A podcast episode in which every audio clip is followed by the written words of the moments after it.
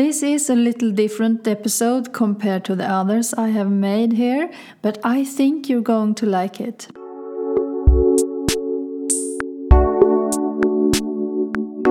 If you're here for the first time, welcome, and I'm so happy that you stumbled on my podcast. You can find all previous episodes in iTunes, Spotify, or Acast. You can also find the latest episode on my website, ylvamariadesign.com. If you like my content, go and hit the subscribe button so you don't miss any episodes. If you have listened before, I would like to ask you if you could take some minutes to give me a rate in iTunes. Five star, thank you. If you don't want to give me a five star, please send me a message over Instagram before at Ylva Maria Design before you give that rate. That would help me to make my podcast even better. If you would like to hear more from my podcast, please be kind and give me a review with a few nice words of why you like the Design the Simple Life podcast.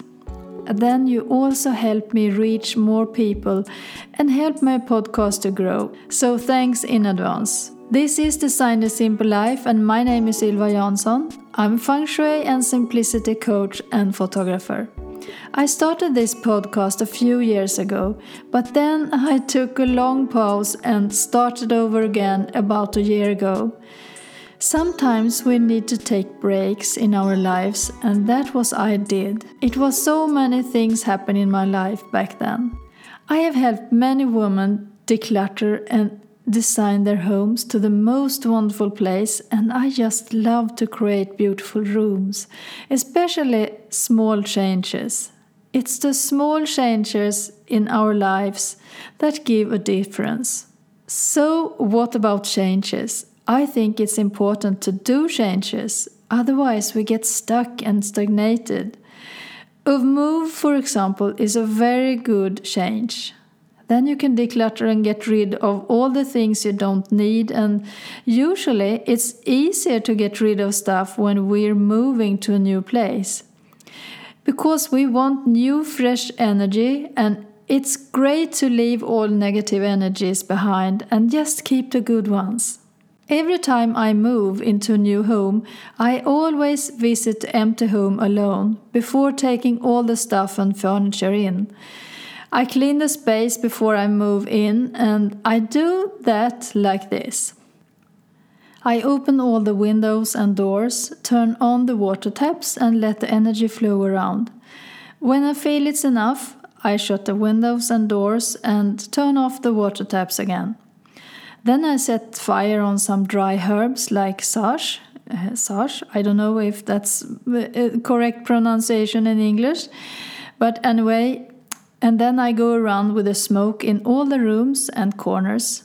I go around all walls and as high as I can in the corners to clean the space everywhere. Then I also sing and clap my hands to refresh the energy. And all this takes around an hour to do, and I always end the cleaning ceremony with an open window to welcome new fresh energy, and I feel very new afterwards. I also finished with a short meditation to set my intention for the future in my new home. And that's the power of space clearing. So, this is something you also can do to clear the space before you move into new home. Back to changes again. I always listen to my heart and the gut feelings, and when something doesn't feel right, I start to think about how to make a change into something better. I have spent this spring and summer to think about how I would like my business and how I can help my audience in the very best way. My audience, like you, are very important for me, and I hope you already know that I love you all because without you, my business would be nothing. I have been thinking about how I can help all women out there to do the same journey as I have done without any overwhelming stress. So here's the big news I'm going to start a membership, the Simplicity Lifestyle, and in that membership, I will help you declutter your home in a very calm and harmonious speed. Nothing should feel stressful. If it does, I know we will not continue. So that's a very important thing in my new project. To help you create a clutter free and harmonious home is the main thing in the simplicity lifestyle. And as I have said many, many times before here in the podcast, step number one to get a stress free home and life is to declutter your home. After that, you can go ahead and create the most wonderful home you have seen in the interior magazines or the home you like to create. We have so different taste and it's your home and you're the boss there. I'm not going to tell you what you should declutter, but I will give you the useful tools to do that and make your decluttering journey as simple as possible.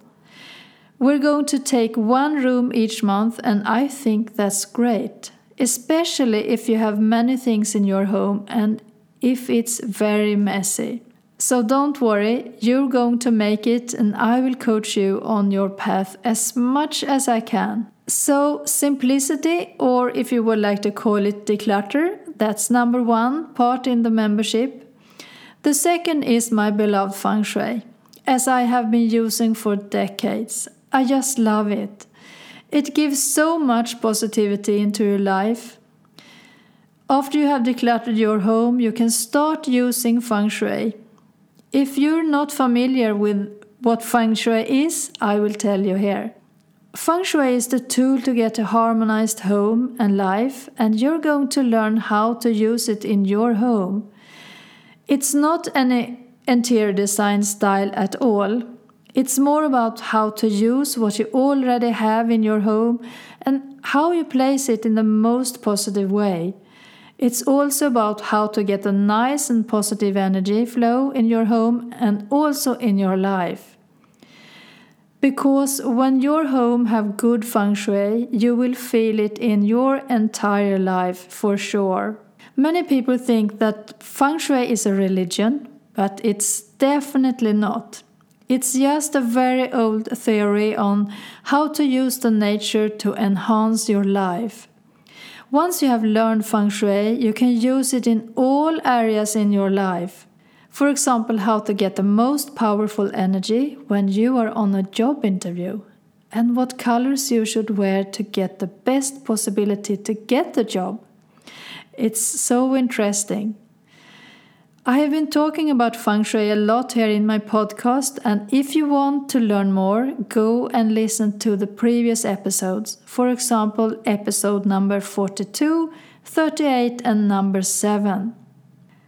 So, the Simplicity Lifestyle membership includes simplicity, feng shui, and also a third part, which is personal growth and holistic mindset because I know it could be a challenge to declutter the home. Very many emotions comes up to the surface and it could be a little bit hard to handle. I also know a lot about manifesting the goodies in life. That's about the law of attraction, if you have heard about it before. If you haven't, there are many businesses on the internet who help people use the law of attraction and how to bring what you want in your life. I have manifested many things that I love in my life, so this is a part which is very close to my heart. We're also going to work on how, for example, you can change your thoughts and release fears. It's so interesting and can help you a lot in your life. So, if this speaks to you, you're very, very welcome to be my founding member for a very low price. As a founding member, your monthly fee will remain the same forever, even when the prices goes up, and as long as you want to be a member, of course. I think you should give it a try, and if you don't like it, you can simply unsubscribe whenever you want. So now you might wonder how to be a founding member. Here's what you have to do. Go and have a look in the description box for this episode, and you will find the link to it. Very easy, right? I can hardly wait to see you inside of my upcoming membership. and I'm so excited about starting this. I have planned to start this membership in September and I haven't decided yet for how long the founding member price enrollment will be open. So if you would like to join, don't wait. Click on the link in the description. That was all about the membership, but I have also another change I have made in my business. As I have told you before, I have been working as an artist for my whole life in different ways, but I always comes back to my skills about photography. I just love my camera and to create beautiful images. So I have listened to my heart and I want so deeply work more with photography. So I have started to bring more photography into my business. For now on, you have the possibility to buy my photography art on my brand new website, ylvamariadesign.com. I have been working on setting it up for a couple of weeks and it has been a lot of work, but I'm also so pleased I did it. I have created an online shop where I sell photography fine art prints. That's definitely something I'm passionate about. Without create any art, I feel so empty. So this is a decision I have taken. I'm an old calligrapher and a paper nerd. I always want the best quality for my paper, and it has taken me a while to find the paper I love for my art prints. I have found a beautiful matte Hahnemühle aquarelle paper you can buy the prints in four different sizes, and you will find everything at my website. I will put the link to it in the description so it's easy to find. I really hope you like my new idea of the membership, and I also hope I can brighten up your walls with my photography art. As I said, you will find everything at my website www.ylvamariadesign.com. This is Design a Simple Life podcast, and I'm Ylva Jansson. Have a lovely day and see you soon.